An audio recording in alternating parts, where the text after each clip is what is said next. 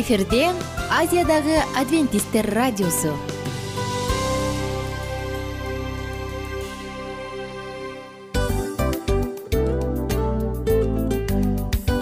Достор салют.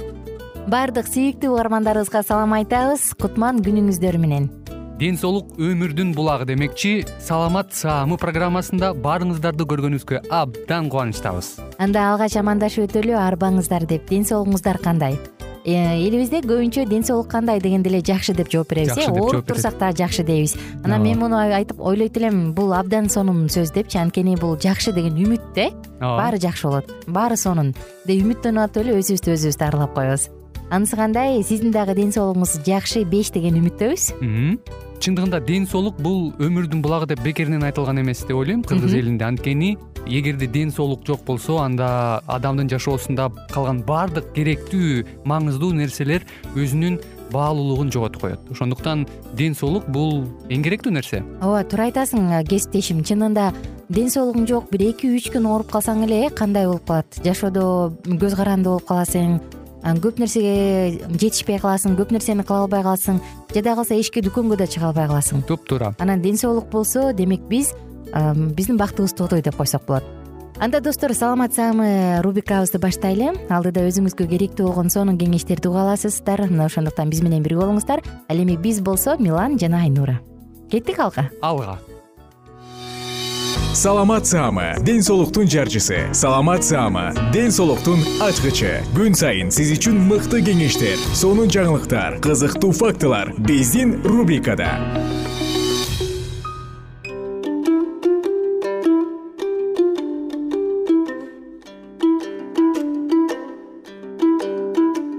Саламатсыңарбы кадырман угармандар.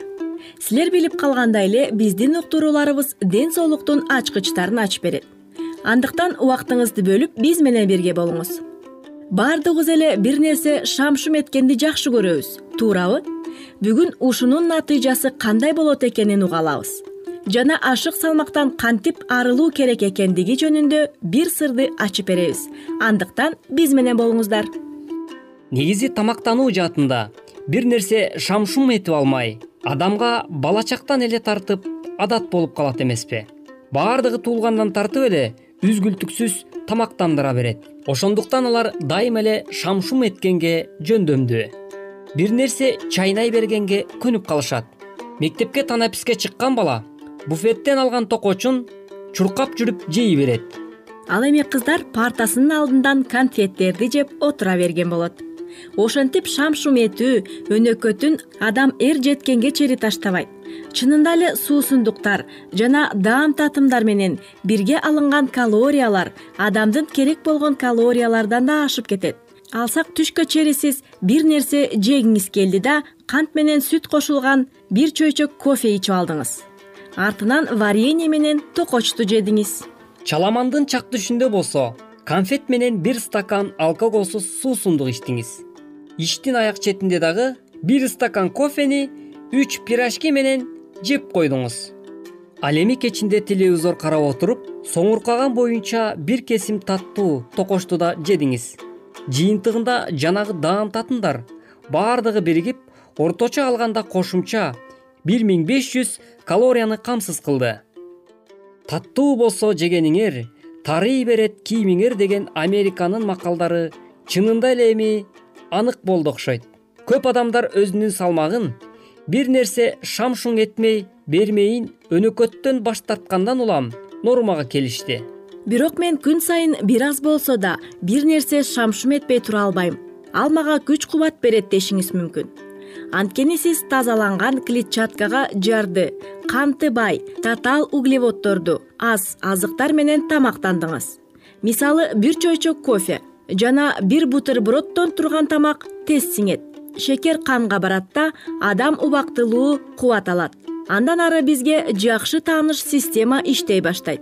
Кандагы шекердин саны азайгандан алсыроо чарчагандык пайда болот да ишке жөндөмдүүлүк төмөндөйт адамга жетигип калгандай сезим пайда болот. Жана ал кезектеги таттуу суусундуктан же даам татымдардын жардамы менен тезинен жеңилдөөнү талап кылат.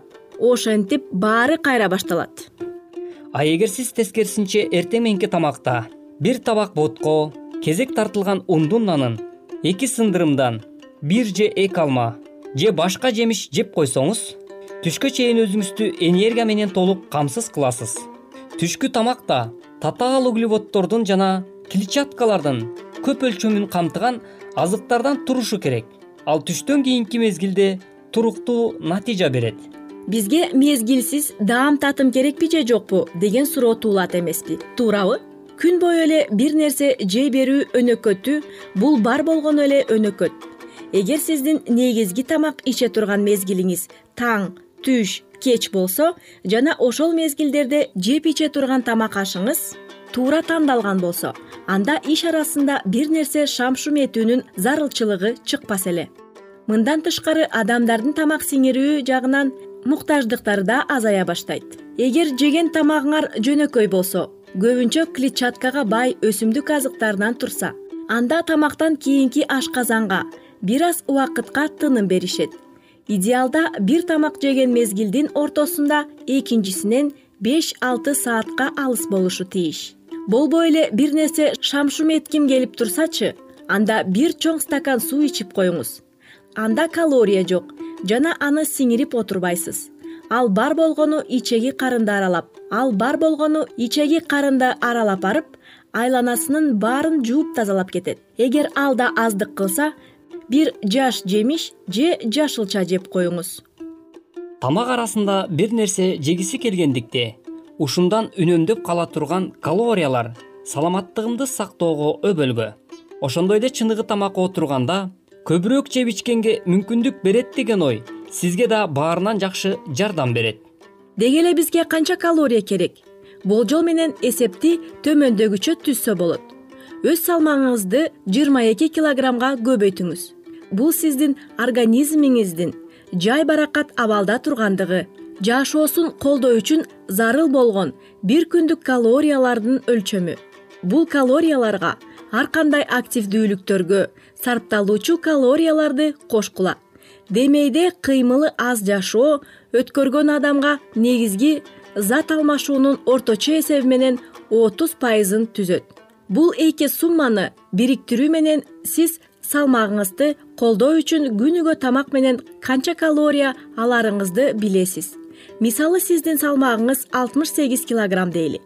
Демек негизги зат алмашууңузга сизге бир жарым миң калория ал эми ар кандай активдүүлүккө кырк калория туура келет. Ошентип жалпы суммада күнүгө бир миң тогуз жүз элүү калория болуш керек. Ашык салмакты таштоо үчүн сиз тетири энергетикалык баланска жетишиңиз керек мисалы сиз калорияларды төмөндөтсөңүз же тамак жебейсиз же сарпталуучу калориялардын санын көбөйтүңүз активдүү болуңуз. Мына ошондо гана сиздин организмиңиздин денени майдын жыйындысын сарптоого мажбур болот. Бирок эмне үчүн бул эки ыкманы бириктирүүгө болбосун эгер сиз аз калориялуу тамак жесеңиз ошону менен бирге дене тарбия көнүгүүлөрүнүн жардамы менен сиздин денеңизге зат алмашуу деңгээлин жетишээрлик жогору боюнча калат да салмагыңыз болсо акырындап төмөндөйт. Ушуну менен бизге берилген убакыт соңуна келип жетти. Бүгүнкү уктуруубуз сизге пайдасын алып келди деп ишенебиз. Анткени азыркы заманда зыңкыйып сымбаттуу болуу мода бирок ошенткен сайын көпчүлүк адамдарда эң биринчи көйгөй. Бүгүнкү учурда ашыкча салмак болуп келет. Бүгүнкү уктурууда андан да кантип кутулуу керек экендигин билип алдык. Эми аракетиңер күч болсун да максатыңызга жетишиңизге биз дагы тилектешпиз. Ушуну менен бизге бөлүнгөн убакыт өз соңуна келип жетти. Кийинки берүүдөн кезиккенче аман болуңуз саламат саама ден соолуктун жарчысы. Саламат саама ден соолуктун ачкычы. Күн сайын сиз үчүн мыкты кеңештер сонун жаңылыктар кызыктуу фактылар биздин рубрикада.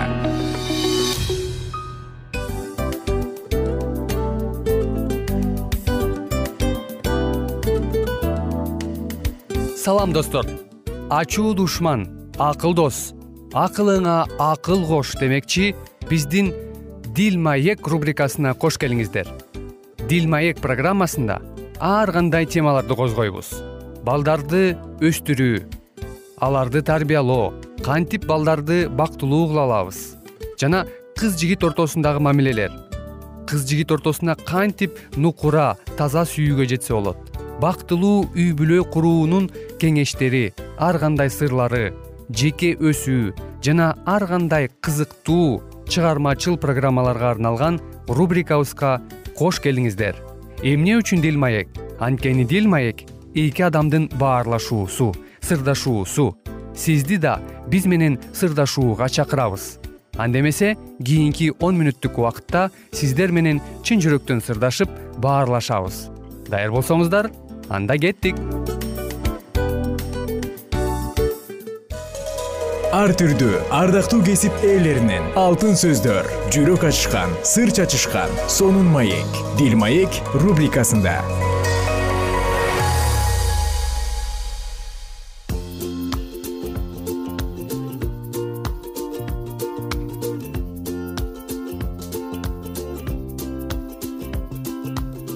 Салам достор. Кайрадан дил маек программасы и биз сүйүшкөндөр жөнүндө айтабыз. Вау!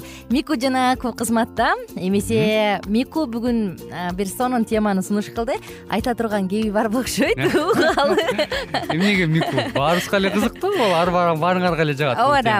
эмесе кимдир бирөө үчүн өөн учурашы мүмкүн э? Кимдир бирөө үчүн өөн угулушу мүмкүн. Бирок эң сонун пайдалуу бир физикалык контакт жөнүндө сөз кылалы деп турабыз. Бул өбүшүү өбүшүү пайдалуубу пайдасызбы ким өбүшүш керек эмне себептен? Ал эмес мику элестетип көр филематология деген чоң илим бар э ушул өбүшүүнүн изилдеген таң калыштуу мынакей бул чоң өзүнчө илим бар илим элестетип көр илим. Туят ошону билгенимде университетте филематолог болуп чыкмак белең тапшырып туруп элестет менин дипломкам. Өбүшүү боюнча. Өбүшүү кыргызстандагы өбүшүү өбүшүүнүн категориялары деп туятта элестеткиң каткыргың келет. Бирок чындыгында өбүшүү бул маңыздуу керектүү тема да. Мен мындай ыйгармакмын сага. Кыргызстанда ушул ушул э, университетти аяктаган филематолог мику деп туруп ыйгармакмын да. Бирок тарс эткени баары тамаша болгону менен мунун чындыгы өтө эле токсон пайыз. Анткени чындыгында филематология илим болуп тургандыктан демек өбүшүү бир кереметтүү нерсе болсо керек. Чындыгында өбүшкөндө адамдын жашоо э, жүрөгүндө сезимдеринде нервтеринде аң сезиминде мээсинде процесстер жүрөт экен жөнөкөй эле нерсе эмес. Албетте биз бүгүн өбүшүү дегенде эле шыр эле баягы бузулгандыктын э, бузулган ойлор келет ар кандай жаман ойлор келет. Туура эмес адепке жатпайт анан ыймандуулукка жатпайт деген сөздөр чыгышы мүмкүн. Бирок э, өбүшүү негизи жубайлардын жашоосунда. Мен буга көбүрөөк көңүл бурмакмын. Жубайлардын жашоосунда бири бирине бетинен өбүү оозунан өбүү көбүрөөк болуп туруш керек экен дейт окумуштуулар. Жогоруда процесс жөнүндө айта кетпедимби мээде кандай процесс жүрүшү мүмкүн? Балким ага чейин бир эки сөз айта кетсек э? Элестетип көр өбүшкөндү жаман көргөн адамдар өбүшкөндү жакшы көргөн адамдарга караганда он эки жыл көп жашайт экен. Эгерде сиз көбүрөөк өбүшсөңүз жашооңузда деги эле бул эмне экенин билсеңиз демек сиз он эки жылга узак жашайсыз. Уятта билгеним да мурун эле. Бул бул төрөлгөндөн эле баштамак белең эң эле жөнөкөй өбүшүү жүрөктүн жыйрылышын тездетет экен элестетип көр. Анын натыйжасында кан сосудтарда тезирээк жүгүрөт. А бул болсо клеткаларга жакшы. Демек адамдын денеси кислород менен көбүрөөк камсыз боло баштайт. Таң калыштуу. Чын эле негизи дүйнөдө таиландда мисалы үчүн э, жыл сайын неме баягы бири бири менен жубайлар же сүйүшкөндөр чогулуп чогулушуп э, рекорд коюшат экен. Ким канча мүнөт деп убакыт өбүшөт элестетгиле элестет ал рекорддон жеңип алгандар жапжаш бойдон болсо керек анда. Ооба анан кызыктуусу алар деген эми бул беш мүнөттүк иш эмес да алар деген рекорд болсо. Ооба да. Эң чоң рекорд азыр мен окуп берейин сиздерге. Отуз эки саат дейт. отуз эки саат. бул деген ушул сүйүшкөндөрдүн күнүнө арналган бул ушул германиядан бир эки сүйүшкөн жубай ошол рекорд коюшуптур мына сага анан өбүшкүнүн дагы кандай пайдасы бар десеңиз өпкөн кезде өпкө тезирээк иштей баштайт экен. Мисалы ал кадимки эле минутта мындай жайдары учурда жыйырма жолу дем алса өбүшкөн учурда алтымыш жолу дем алып баштайт экен. Тыягыраак айтсак бул вентиляция деп атап коюшат экен. Кызыктуу. Өпкөнүн вентиляциясы деп дагы бир кызыктуу бул медициналык далилденген нерселерден айтып кетсек э, өбүшүү бул арыктаганга жардам берет. Иммунитетти көтөргөнгө жардам берет. Энергия менен толтур эми бул энергиясын албетте баарыбыз билебиз.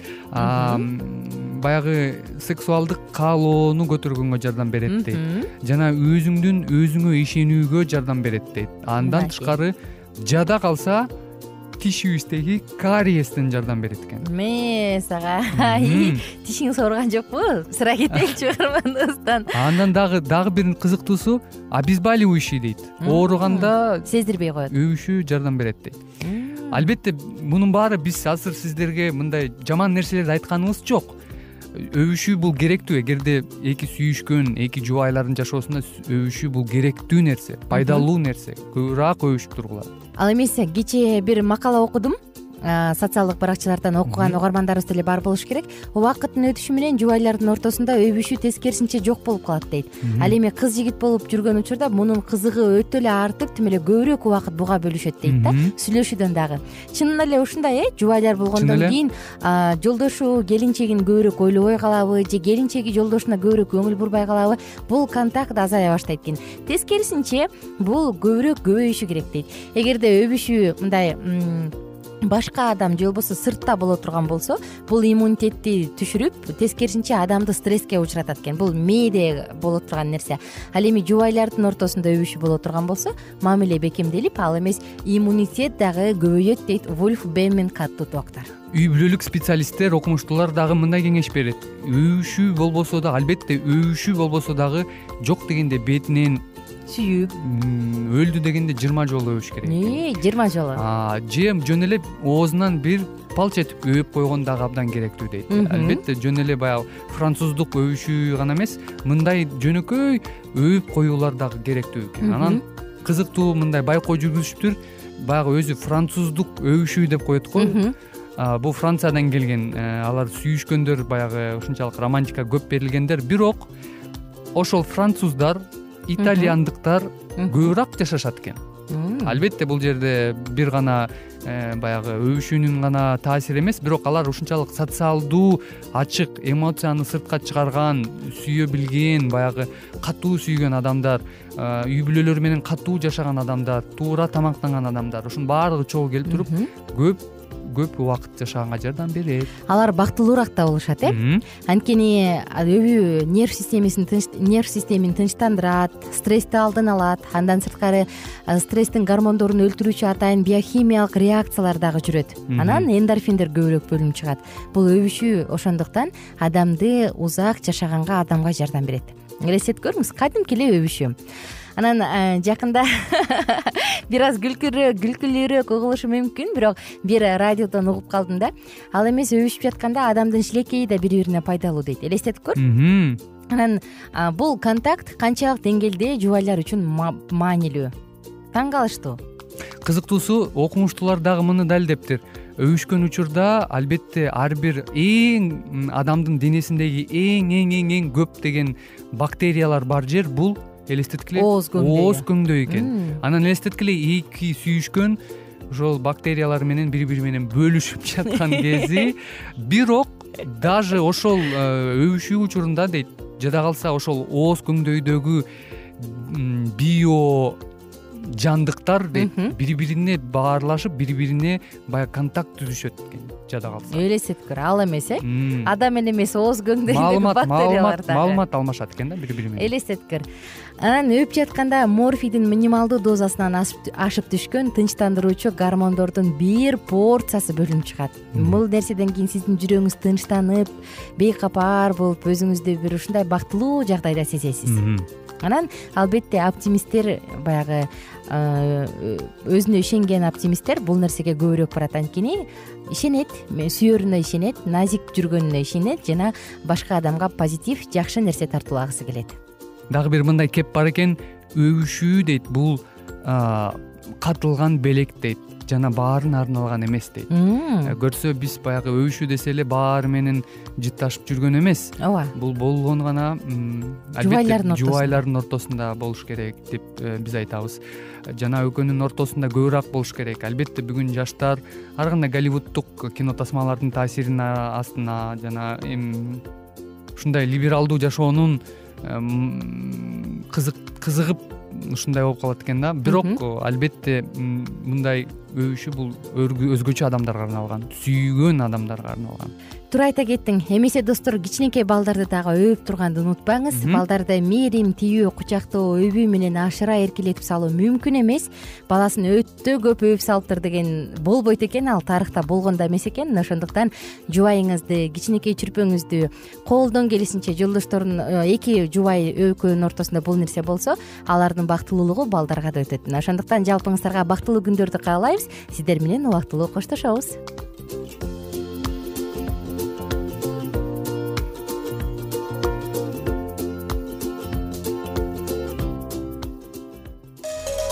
ар түрдүү ардактуу кесип ээлеринен алтын сөздөр жүрөк ачышкан сыр чачышкан сонун маек дил маек рубрикасында.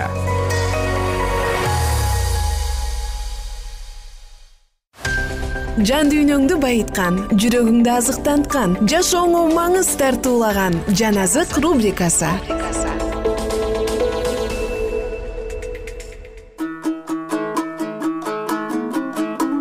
кутмандуу куш убак күнүңүздөр менен достор сиздер менен улуу күрөш китебин улантабыз. Кальвинди диний даражага берүүгө даярдап жатышкан качан ал он эки жашка толгондо аны чакан бир чиркөөгө капелландык кызматка дайындашкан.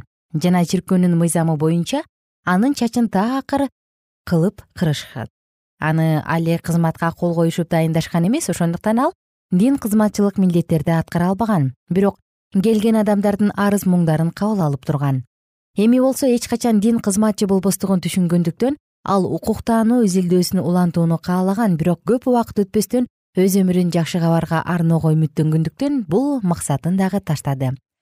Бирок жакшы кабардын насаатчысынын иштери анын үрөйүн учуруп турду. Ал өз жаратылышында уяң болуучу жана бул иштин жоопкерчилигин жакшы түшүнгөн. Андан тышкары ал өз илим изилдөөсүн улантууну дагы каалаган акыры өз жолдошторунун өтүнүчүнө баш ийип ал өз макулдугун берет. Ушунчалык төмөнкү даражадан чыккан адам бийик даражага татыктуу болуп калгандыгы таң калыштуу деген ал. Кальвин өз ишин акырындык менен баштаган жана анын айткан сөздөрү жер үстүнө түшкөн таңкы шүйдүрүм сыяктуу болчу. Жакшы кабарды жактаган жана анын окутуулары окучуларын сактап калган ханзада маргаританын коргоосу менен кальвин парижди таштап башка бир аймактык шаарга туруп калат. Ал кездерде кальвин жумшак жана таарынчаак мүнөзгө ээ болгон жаш улан эле. Башталышында ал үйдөн үйгө кыдырып жүрдү. Үй тургундары менен бирдикте мукадасты изилдеп жана ал жердеги адамдарга куткарылуу жөнүндөгү чындыктарды ачып берди. Бул кабарды уккан адамдар аны башкаларга жеткиришип көп убакыт өтпөстөн кальвин шаар тегерегиндеги айыл кыштактарды дагы кыдыра баштаган ал ак сарайларга да кембагалдардын алачыктарына дагы кирүүгө мүмкүнчүлүк алып келечекте чындык үчүн тартынбастан күбөлөндүрө турган болочоктогу жыйындын негиздерин тургузган. Бир нече мезгил убакыт өткөндөн кийин кайрадан парижге кайтып келет. Окумуштуу адамдардын ортосунда болуп көрбөгөндөй жандануулар башталат. Байыркы тилдерди изилдеп үйрөнүү адамдарды эрксиз эле ыйык жазууларды окутууга алып келет. Жана жада калса кимдин жүрөктөрү чындык үчүн ачыла элек болсо дагы папанын жактоочуларынын жанында бир нече сааттап турушуп чындык жөнүндөгү суроолорду талкуулашкан. Кальвин кудай сөзүн талкуулап талам тартыштар да башкалардан күчтүү болсо дагы ага бул ызы чуу түшкөн окумуштуулардын талкууларынан дагы жогорку милдеттерди аткаруу керек эле. Адамдардын аң сезимдери ойгоно баштаган. Бул болсо аларды чындык менен тааныштырыш үчүн эң эле ыңгайлуу учур болгон университеттердин залдарында диний талам тартыштар болуп жаткан мезгилде кальвин болсо үйдөн үйгө кыдырып адамдар менен чындык жөнүндө сүйлөшүп аларга мукадастан айкаш жыгачка керилген машаяк жөнүндө айтып жүрдү. Кудайдын алдын ала көрөгөчтүгү боюнча парижде дагы бир жолу жакшы кабар жарыяланышы керек болгон. Леферф менен фарелдин чакырыктары кабыл алынган эмес бирок бул чоң шаардын тургундары кайрадан жакшы кабар угулаары зарыл эле саясий жагын эсепке алганда падыша римдиктердин реформацияга каршы күрөшүн жактап алар тарапка өткөн эмес. Ханзада маргарита болсо францияда протестантизм акыры салтанат курат деген үмүтүн жүрөгүнө бекем сактады. Жана ал реформатордук ишеним париж жергесинде толук таратылышы керек деген чечим кабыл алды. Падыша жок болуп калган мезгилдерде ал жакшы кабардын жарчыларына шаар ибадатканаларында насаат айтууга уруксат берген качан бул насаат айтуулар папалык дин кызматчылар аркылуу тыюу салына турган болсо ханзада насаат сөздөрдү өз ак сарайында айттырды бир бөлмөнү жыйын өтө тургандай кылып жасашып жана бул жерде күн сайын белгиленген бир убакытта кудай сөзү айтылат буга бардык даражадагы адамдар чакырылат деп жарыялантырган. Бул залга күн сайын көп сандаган адамдар келишкен. Булардын арасында көпөстөр мамлекеттик ишмерлер юристтер жана кол өнөрчүлөр бар эле алар бир гана ак сарайдын залын толтурбастан башка бөлмөлөрдү дагы толтуруп турушту буга падыша каршы болмок турсун алардын диний кызматтары өтүп туруучу үчүн парижде дагы эки жыйын ачууга уруксат берет. Кудай сөзү эч качан адамдардын жүрөгүнө мынчалыктуу чоң таасирин тийгизген эмес. Асман өмүрүнүн руху адамдарды жандандырып жаткан сыяктуу сезилип турду. Ичимдик ичүүлөр бузукулуктар душмандык жана бекерпоздуктар токтоолук тазалык ирээттүүлүк жана эмгекти сүйүүчүлүк менен алмаштырылган. Бирок папалык диний адамдар уктап жатып алышкан жок. Качан падыша насаат айтканды токтотконго жол бербей койгондо алар шаардын көпчүлүк тургундарына кайрылышып алардын жүрөктөрүнө коркунуч туудурушкан. Алар эч нерсеге карабастан адатка айланган жалган көз караштарды фанатизмди ырым жырымга ишенгендигин улантуусу каалашкан. Жалган окуучуларга баш ийүү менен париж байыркы иерусалим сыяктуу өзүнүн тынчтыгы үчүн эмне керектигин жана өздөрүнүн кудайга келүү убакытын билишкен эмес. Эки жыл убакыт аралыгында мамлекеттин борборунда кудай сөзү таратылып турду. Көп адамдар жакшы кабарды кабыл алышкандыгы менен жалпы көпчүлүк адамдар жарыктан баш тартышкан франциск бир өзүнүн кандай динде болсо дагы жол берүүчүлүгүн көргөзгөн. Бирок бул көргөзгөн нерселери герд башынын кызыкчылыгын ойлогондуктан болгон. Жана папанын жактоочулары башта жоготкон бийлигин калыбына келтирүүгө мүмкүнчүлүк алышты. Кайрадан жыйындар жабылып жана кайрадан адам өрттөөчү жайлар тургузулган кальвин дагы деле парижде болчу. Тынымсыз эмгектенүү ой жүгүртүүлөргө жана сыйынууга берилгендиктен ал боло турган кызматка жана жарыктын таратылышына даярданып жатты. Акыры ал дагы шек санаачулардын катарына илинди шаар бийлигиндеги адамдар аны дагы отко тапшырууну каалашкан бир жолу өзүнүн обочолонгон турак жайында эч нерседен шектенбестен олтурган мезгилинде ага шашылыш түрдө жолдоштору жүгүрүп келишип аны камаш үчүн бул жерге адамдар келе тургандыгын айтышты ошол замат эшикти тыкылдаткан үндөр угулду бир минутта убакытты текке кетирбеш керек эле. Бир достору офицерлерди кармап турууга аракеттенишсе бирөөлөрү кальвинди чакырып жибериш үчүн качырып жибериш үчүн терезени ачышып аны сыртка чыгарып жиберишти. Жана ал шаар четине жашынууга үлгүрөт. Реформацияга жаңы ачылган бир кол өнөрчүнүн үйүндө ал өзү үчүн баш башпаанник тапкандан кийин ошол үйдүн кожоюнунун кийимин кийинип жонуна кичинекей кетмен артынып сапарга чыкты достор сиздер менен кийинки уктурууда кызыктуу окуябызды улантабыз. Биз менен бирге болуңуздар. Мына ушинтип убакыт дагы тез өтүп кетет экен биз дагы радио уктуруубуздун аягына келип жеттик. Келип кубандырдыңар эми кетип кубандыргыла деп тамашалап калышат эмеспи? Анысы кандай? Радио баракчабызды программабызды азыр эле баштап аткандай болдук элек мына соңуна келдик э? Негизи убакыт э, билинбей өтүп кетет экен? Мен дагы убакыт дегенде бүгүн бир адам менен сүйлөшүп калдым. Анан убакыт бул мүмкүнчүлүк деп айтып өзүмө өзүм айтып алып анан мага өзүмө эле кайра ачылыш болду да чын эле.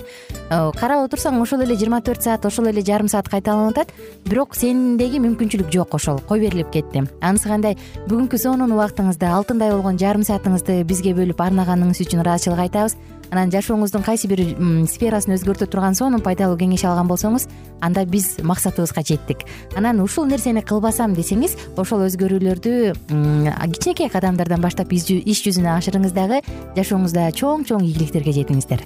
Чын жүрөктөн ар бир берилген кеңештер сөздөр сиздерге пайдасын алып келет деп ишенебиз. Жана кийинки уктурууларда сөзсүз түрдө чыдамсыздык менен сиздерди күтөбүз сагынычтуу салам айтып кайрадан дал ушул жыштыктан баардыгыңыздарды тосуп алганча кызматта мен айнура жана кесиптешим милан. Анда кол пулга алайбыз жалпыңыздарга ийгиликтүү күн. Саламатта калыңыздар